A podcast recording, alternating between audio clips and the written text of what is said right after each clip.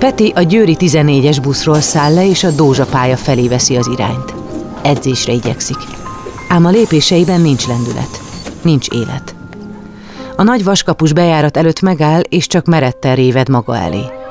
Társai már a salakon melegítenek, nyújtás közben vidáman beszélgetnek. Peti nem csatlakozik hozzájuk, csak az anyjára gondol.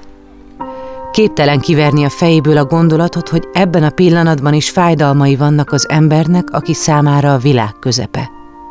Rettek, hogy elveszíti őt, mert a sugárkezelés egyáltalán nem biztos, hogy használni fog. A fejében zakatoló gondolatok elnyomják a sípszót. A többiek már sorba állnak, várják, hogy az edző kiossza a napi feladatokat. Peti képtelen oda menni a többiekhez. Képtelen a feladatra koncentrálni, mert a kétségei nem engedik el. Édesapjára nem számíthat. Ő most arra már inkább fenyegetés, mint biztos háttér. Mi lesz, ha az egyetlen biztonságot nyújtó személy, az édesanyja meghal? Ahelyett, hogy a tíz évesek gondtalan gyermekéletét élni, Peti energiáit a saját lelkében dúló rettegés őrli fel. Egyetlen apró reménysugárba tud csak kapaszkodni. Abba, amit az iskolában hittanórán tanult. Senkinek sem nagyobb a keresztje, mint hogy elhordozhatná. Hogy majd Isten segít.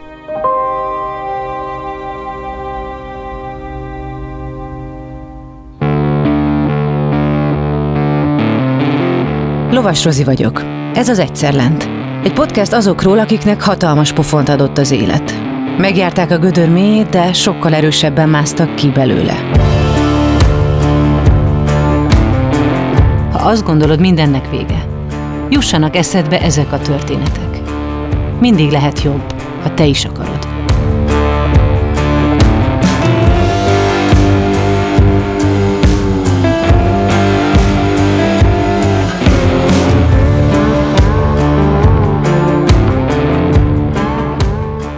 Benkovics Péter ma boldog, kiegyensúlyozott családapa, sikeres üzletember és erős hitű teológus. De nem volt egyszerű idáig eljutnia. Hiába született értelmiségi családba, hiába nőtt fel Győr egyik igényes lakótelepi negyedében, viszonylag hamar szembe találta magát az élet brutális kihívásaival. Ebben a történetben arról lesz szó, hogyan tudta feldolgozni egy felnőtt, látszólag sikeres férfi a gyermekkorában elszenvedett traumáit, az édesapja alkoholizmusából fakadó mindennapos bántalmazást. Hogyan hatott rá az édesanyja harca a rákkal, és miként küzdött meg magában Istennel, akitől a segítséget várta, de nem kapta meg akkor, amikor a leginkább vágyott rá. Ezt a műsort azért tudtuk elkészíteni, mert a Generáli biztosító szponzorként mellénk állt. Hallgassátok meg, miért fontos nekik, ami nekünk is.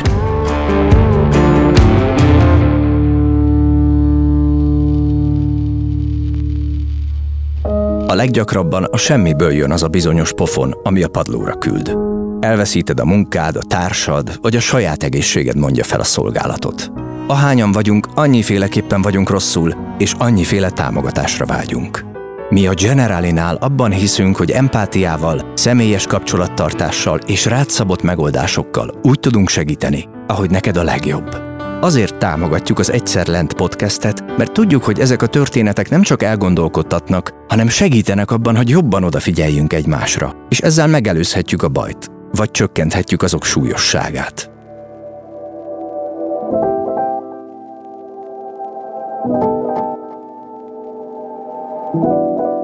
Péter boldogságához minden adott volt. Bátyja után második gyermekként érkezett egy szerető családba, ahol pedagógus édesanyja és gépészmérnök édesapja odaadóan szerették őket, és mindent biztosítottak egy irillésre méltó gyerekkorhoz. De ez az idél nem tartott sokáig. Kisgyerek voltam, amikor elkezdett ebbe a, az idillikusnak tűnő képbe belecsúszni egy-két olyan törés, amit így hirtelen nem tudtunk hova tenni, ez pedig így az alkoholnak a, a megjelenése a családban. Volt Győrben például egy étterem, vagy néha szoktunk menni, és mikor bementünk így, meglátta a pultos apukámat, és kirakott elé egy unikumot, meg egy nagy fröccsöt. Szóval ez egy ilyen fura jel volt. Illetve történt egy olyan eset, hogy vakbélgyulladás előtt apukámnak bekerült a kórházba, és amikor jött haza, akkor ilyen kékzöld foltok voltak a csuklóján, és akkor így anyukám kérdezte, hogy, hogy mi, ez mitől volt, és egy apukám el, elmondta, hogy hát az volt, hogy a napokig ott volt benne, és ugye nem jutott alkoholhoz, és elvonási tünetei lettek. Tehát ilyen teljesen önkívületbe kerül az az ember, aki ilyen alkohol elvonásba kerül, és hát lekötözték az ágyhoz. Péter édesapjától az alkohol egyre többet követelt. És már nem csak tőle, de a családjától is. Korábban csendes társa volt csak a mindennapoknak, de szépen lassan egyre fenyegetőbb légkört hozott az otthonukba. És akkor jött egy nagyon megpróbáló időszak az életünkben, amikor amikor eljött apukámnak az első ilyen kontrollvesztett időszaka. Győrben laktunk egy panel épület 8. emeletén, a iskola után elvégeztük a házi feladatot, elvégeztük az esti menetrendet, lefeküdtünk aludni, de nem aludtunk, hanem, hanem én teljes idegbe vártuk, hogy mikor és milyen állapotba fog apukám hazajönni, és úgy figyeltük, hogy hanyadikra talál bele a kulcsukba. Szóval akkor már így az adrenalin az egekben, és akkor általában bejött a lakás, és valamint felhúzta magát valami jelentéktelen dolgon, és akkor így konkrétan életveszélyes lett. Az a helyzet, hogy ritkán volt fizikai bántalmazás, de hogy az életveszély mindig ott volt a levegőben, ez, ez iszonyatos teher volt. Szóval itt nekem a gyerekkorom véget ért. Emlékszel az első ilyen esetre? Amikor, amikor... Hát na, na, ezek azok az időszakok, amikről így foltokban van emlékem, de hogy konkrétan így a leges-legelső esetre, mikor így elpattant a húr, és akkor ez az ilyen ilyen ordibálás, bántalmazás ilyen volt, azt most nem tudom, hogy melyik volt az első. Van egy konkrét emlékem arról, hogy, hogy egyszer apukám nincsen otthon, hétvége van, és anyukám behív minket a nagyszobába, a panel lakásról van szó, tehát itt mindent hall minden szomszéd, és akkor elkezdi azt nekem mutatni, hogy akkor hol, hol üssük a falat, hogyha apám őt megfojtaná, akkor hol üssük a falat, hogy a szomszédok átjöjjenek.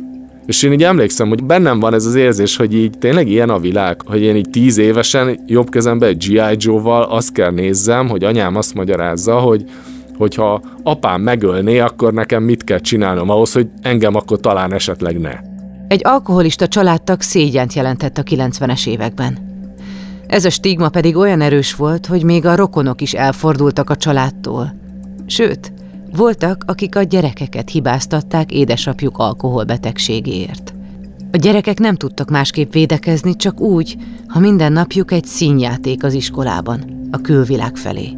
Volt, hogy nem tudtunk aludni egy percet se. Tehát volt, hogy ez reggel hatig ment, hogy ott apám ordibált, meg, meg mindenféleket csinált, és akkor, és akkor mi reggel az a pár óra alvással, vagy alvás nélkül felöltöztünk, elmentünk iskolába, és akkor eljátszottuk, hogy a életem legnagyobb problémája, hogy a, hogy a turborágómnak a tetoválása az most Night Rider, vagy nem tudom mi. És én is szégyeltem ezt a helyzetet, és valahol azt gondoltam, hogy valahogy én erről tehetek, hogy valahogy én ezt megérdemeltem, hogy ez történik velem.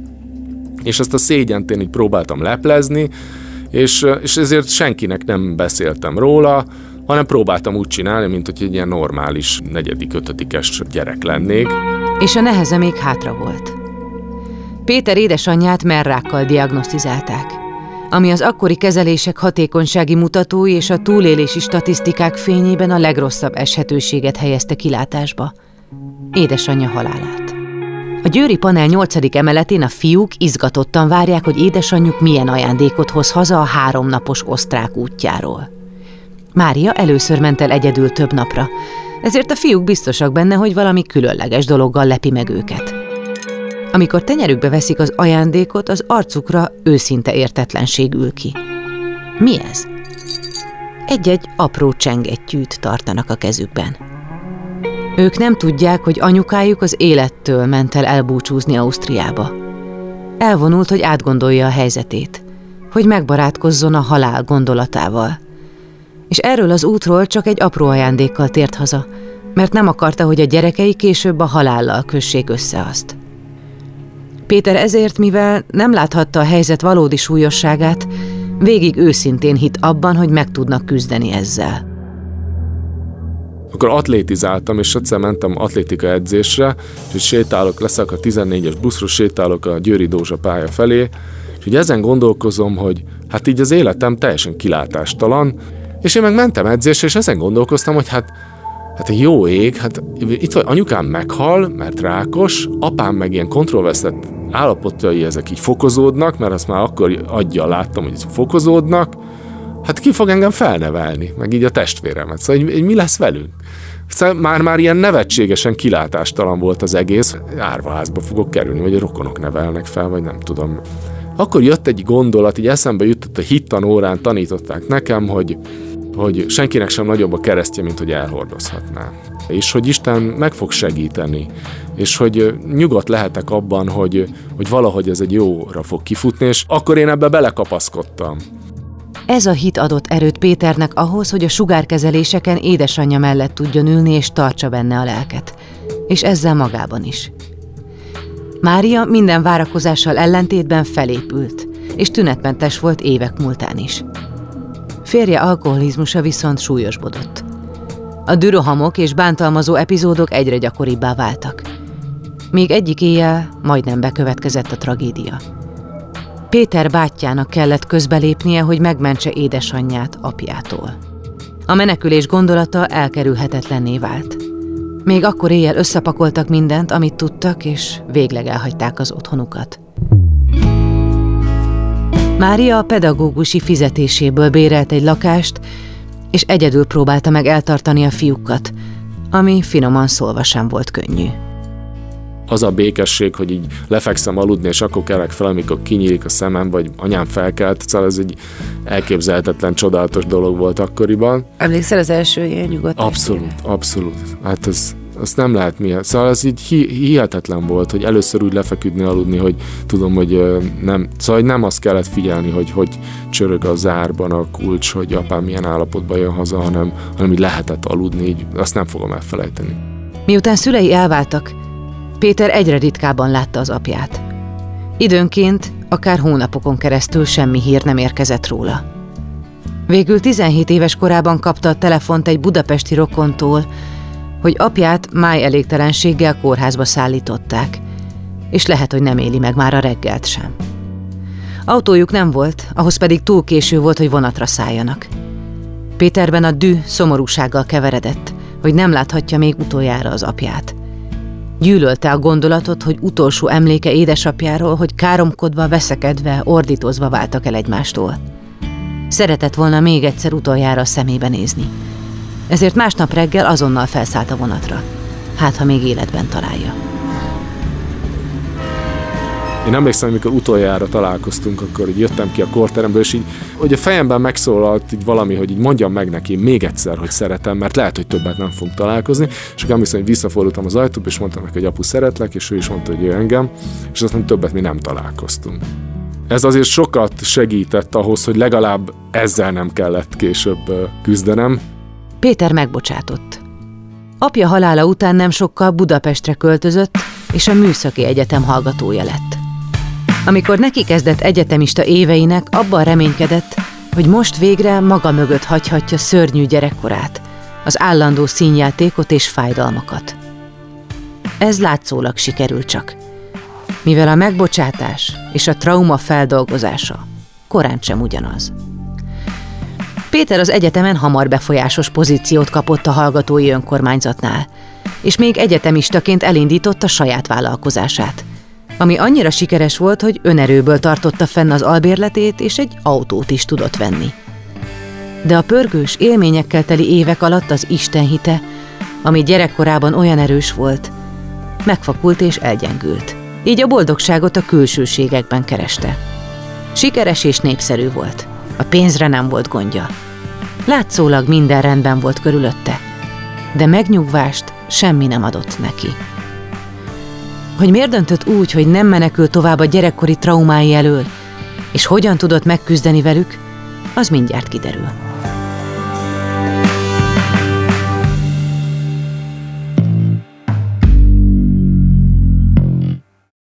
Mielőtt folytatódik ez az epizód, hallgassd meg a Beaton podcast ajánlóját.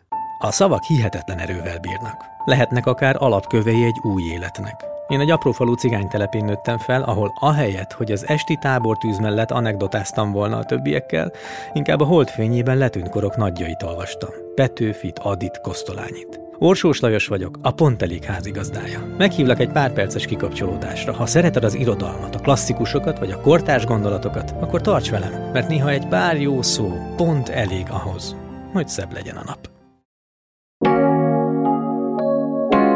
Péter büszke volt mindarra, amit fiatal egyetemista vállalkozóként elért mindenfajta anyagi támogatás nélkül, és szerette volna, ha édesanyja is büszke lenne rá. Egyszer édesanyám feljött Győrből, és emlékszem, hogy elmentünk a West Endbe enni valamit, és én egy ilyen önmagamtól eltelve éltem akkoriban, és így leültem anyukámmal enni, és anyukám ilyen fájdalmas tekintettel rám nézett, és kérdezte tőlem, hogy hogy vagy kisfiam. De olyan szívfájdalom volt benne. És már éppen kezdtem megsértődni, hogy hát anyukám, hát nem látod, hát micsoda titán vagyok, hát minden, minden sikerül, és egy ilyen sikeres vagyok, boldog vagyok. Éppen kezdtem volna összegyűjteni a gondolataimat, hogy lehengereljem anyukámat, hogy miért vagyok a lehető legjobban, amikor nem jöttek ki szavak a számon, hanem elkezdtem sírni és magam sem értettem, hogy miért, de egy olyan szívfájdalom fakadt fel belőlem. Az volt tulajdonképpen az a pont, amikor éreztem, hogy kudarcba fulladta a boldogság stratégiáim, mert hogy ez a kincs hírgyönyör nem tett boldoggá, hanem egy elképesztő belső üresség növekedett bennem. Érezte, hogy ezt az ürességet egyedül a hit tudja betölteni, amitől addigra már elfordult. Mégis ez az erős érzés elindított egy párbeszédet egy párbeszédet Isten és Péter között, ami indulatos, nyers és fájdalmas volt. Meghívtak egy esküvőre, egy barátomnak esküvője volt, és hát ez a bulis egyetemista éveink kellős közepén egy újabb alkalom volt arra, hogy mulatozzunk, és hát így az önfeledtségben keressük a boldogságot, és elképesztő nagy buli volt, de tényleg már így még világos volt, de mindenki az asztalon táncolt, és azért jött az éjfél, és a vőlegény volt a, a barátom, és akkor egyszer csak jött az édesapja, aki magához vette a mikrofont, és akkor így mondott egy beszédet hogy a fiához meg ugye az ünneplő tömeghez, és akkor így hirtelen belém, így belém hasított, hogy hát ha egy nap nekem lesz ilyenem, akkor nekem ott apám nem fog beszédet mondani. Szóval hogy ez nekem soha nem lesz meg és így ugye eltört bennem valami, és akkor ugye elkezdtek folyni a könnyeim, hát az egy kicsit úgy megtörte volna a mulatozó hangulatot, úgyhogy kirohantam egy ilyen sötét kertbe, és emlékszem, melyik Nokia telefonom volt, és fölhívtam anyukámat az éjszaka közepén, persze anyukám levette, hogy teljesen részeg vagyok, de úgy érzékelte a helyzet komolyságát, és úgy Hát én ott így átkoztam az Istent a telefonba, hogy hát ez, ez, ez, ez így nem volt korrekt, hogy szóval az, az egy nagyon különleges momentuma volt az életemnek, mert nagyon érdekes, hogy utólag visszatekintve én azt látom, hogy Isten örült neki, hogy legalább felé fordultam. Szóval, hogy nem sértődött meg a sértő kifejezésekért, hanem ez egy fordulópont volt az életemben, mert, mert végre valahára nem az volt, hogy szaladok el Istentől, hanem úgy felé fordultam, még hogyha elküldtem melegebb éghajlatra is, mégiscsak elindult egy kapcsolat. És azt kell, hogy mondjam, hogy nekem az Istennel való kapcsolatom ekkor indult el igazán, hogy így éreztem, hogy Isten azt mondta, hogy na jó, Péter, ha kíváncsi vagy rá, megmutatom, hogy miért volt ez az egész. És akkor kezdetét vette egy 17 éven át tartó feldolgozási folyamat, aminek az első lépcsőfoka meglepő módon mégsem Istenhez vagy a hitéhez vezetett, hanem egy anonim csoporthoz, az alkoholisták és rendellenesen működő családok felnőtt gyermekei nevű csoport megmutatta Péternek, hogy a története sajnos egyáltalán nem egyedülálló. Sőt, mindennapi működése egy elég jól tipizálható viselkedés, amit a szégyen és a teljesítménykényszer vezérel. Felismerte, hogy a múltja köteléket jelent, és statisztikai alapon nagy eséllyel őt is a szenvedélybetegség felé irányítja. De Isten keresése és a vágy, hogy végleg megbékéljen a múltjával és az édesapjával, még ezután is csillapíthatatlan volt. Úgyhogy elkezdte kutatni a Bibliát, és beiratkozott teológiára. Ráadásul ez időtájt ismerkedett meg a feleségével is. Már ismerkedtünk egy ideje, amikor eljutottam oda, hogy most már el kéne döntenem, hogy én ezt komolyra akarom-e fordítani ezt a kapcsolatot, vagy sem, de volt bennem egy iszonyatos nagy félelem, hogy én nem akarom megismételni azt a, a házasságom, amit apukám csinál. És akkor én rájöttem, hogy én azért nem merem őt feleségül venni, mert nem akarom megismételni az apám történetét, és akkor nekem kellett ahhoz, hogy én hogy előre tudjak lépni az életemben az, hogy, hogy akkor teljes abszinenciát vállalok, tehát hogy nem iszok egy csepp alkoholt sem.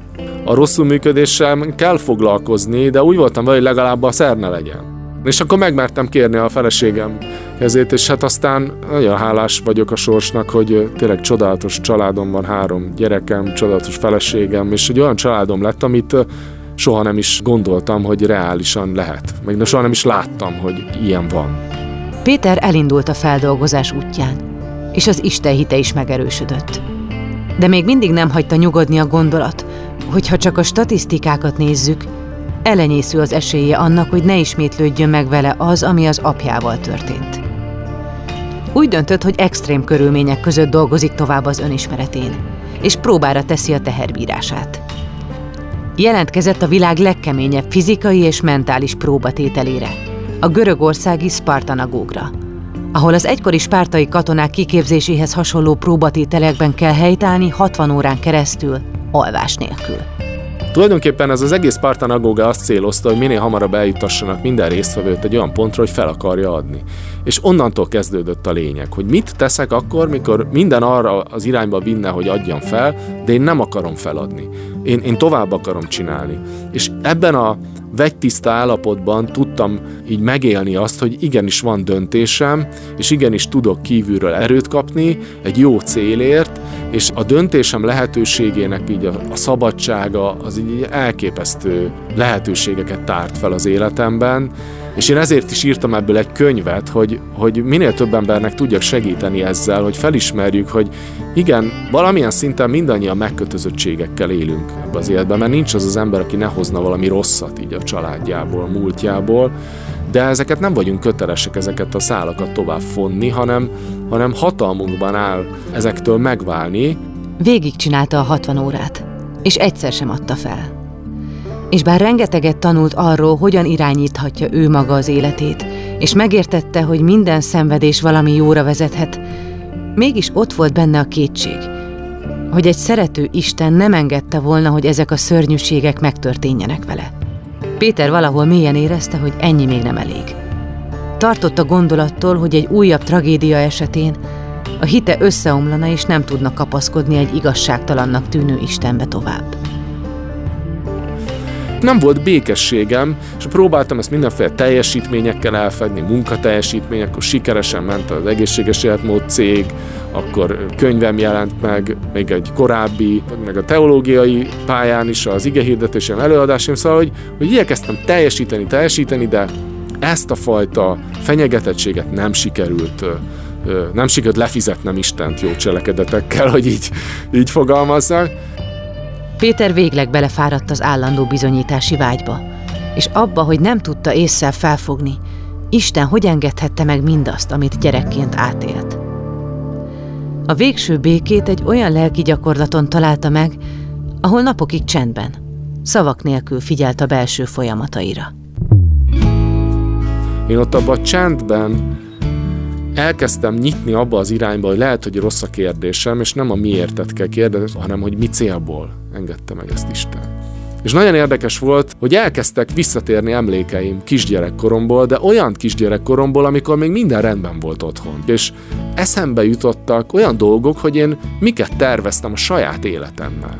Például eszembe jutott, hogy amint én megtanultam írni általános iskás koromba, én szerelmes leveleket írtam az összeset, tehát én csajoztam, és így folyamatosan futtattam a párhuzamos szálakat, és emlékszem, volt egy osztálytársam Ádám, mindig a csajokról beszéltünk, és így, így megbeszéltük, hogy figyelj, mi felnövünk, de hogy fogunk mi megházasodni, az összes csajt megszerezzük. Szóval ilyen, már ilyen szerintem ilyen beteges vonzódásom volt ehhez a fajta könnyelmű élethez, Plusz volt egy másik emlékem, ami így eszembe jutott, mikor kaptam egy botküllős BMX-et, és a, akkoriban a BMX is nagy dolog volt, a Csepel BMX, de én kaptam egy botküllőset, valahogy apám szerezte valahonnan, ez, ez ilyen rendszerváltás éve előtte, szóval ez ilyen már így lazultak a határok, de botkülös BMX-hez azért nem volt könnyű hozzáférni.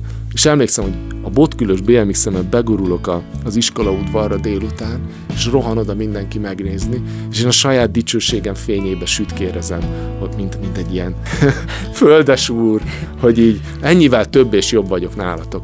És úgy ez a két emlék forgott ott előttem a lelki gyakorlaton, hogy ha én jó létben és jó körülmények között növök fel, akkor én egy ilyen igazi, semmire kellő, szoknyavadász, felszínes, semmire való ember lettem volna. Szóval úgy bennem így ez, ez lett, hogy nem tudom, hogy ez, ez honnan jött, mennyire az én döntéseim, mennyire a, a hozott dolgok, de úgy visszatértek emlékeim, hogy én miket terveztem az életemmel úgy igazán kicsi gyerekként, amik azért úgy meghatározó dolgok. Ott volt nekem egy momentum, én emlékszem, egy mikrosütő előtt állok, és melegítem a kávémat, és már napok óta csendben vagyunk ott, és ezek az emlékek ott forognak bennem, és egyszer csak így megszólalt egy hang a fejemben, hogy elvesztél volna.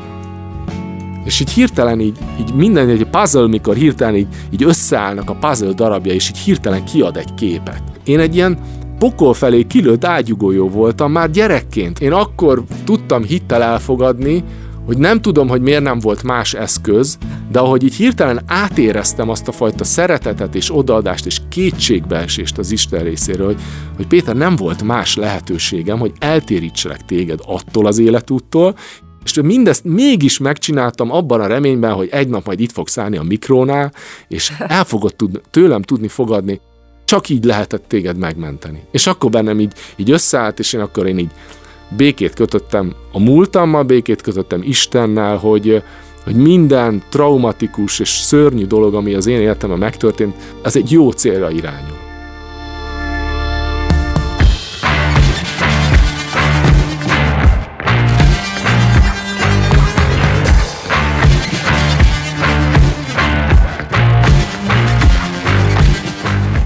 Az Egyszerlent podcastet hallhattátok. Azért indítottuk el ezt a műsort, hogy megmutassuk, minden veremből van kiút. Amikor a legalján vagyunk, lehet, hogy nem látszik, de tehetünk azért, hogy megtaláljuk.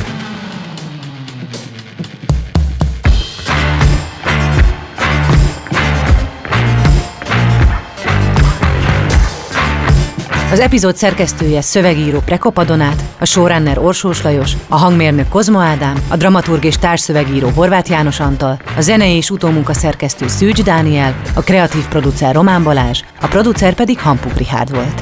Lovas Rozit hallottátok.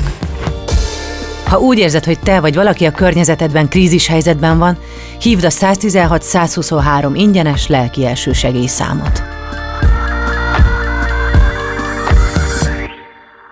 Beaton. Vidd magaddal ezt a történetet.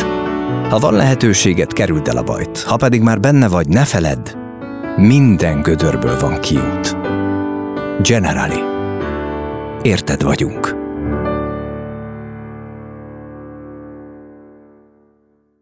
Ha más podcastekre is kíváncsi vagy, hallgassd meg a Béton műsor ajánlóját. El tudod képzelni, hogy a podcastet, amit éppen most hallgattál, fél év múlva már a mesterséges intelligencia generálja? Mi sem. De ha érdekel, eljötte már a gépek lázadása. Hallgass bele az Embertelen podcastbe. Orsós Lajos vagyok, a műsor házigazdája. Egyelőre még élőben. Egyelőre. Fedezzük fel együtt, hogyan ismerkedik, randizik, mesél és vitatkozik Betty és Péter, két teljesen mesterséges intelligencia. Lajos, a podcast címét mond még egyszer, Léci. Oké. Okay. Embertelen podcast.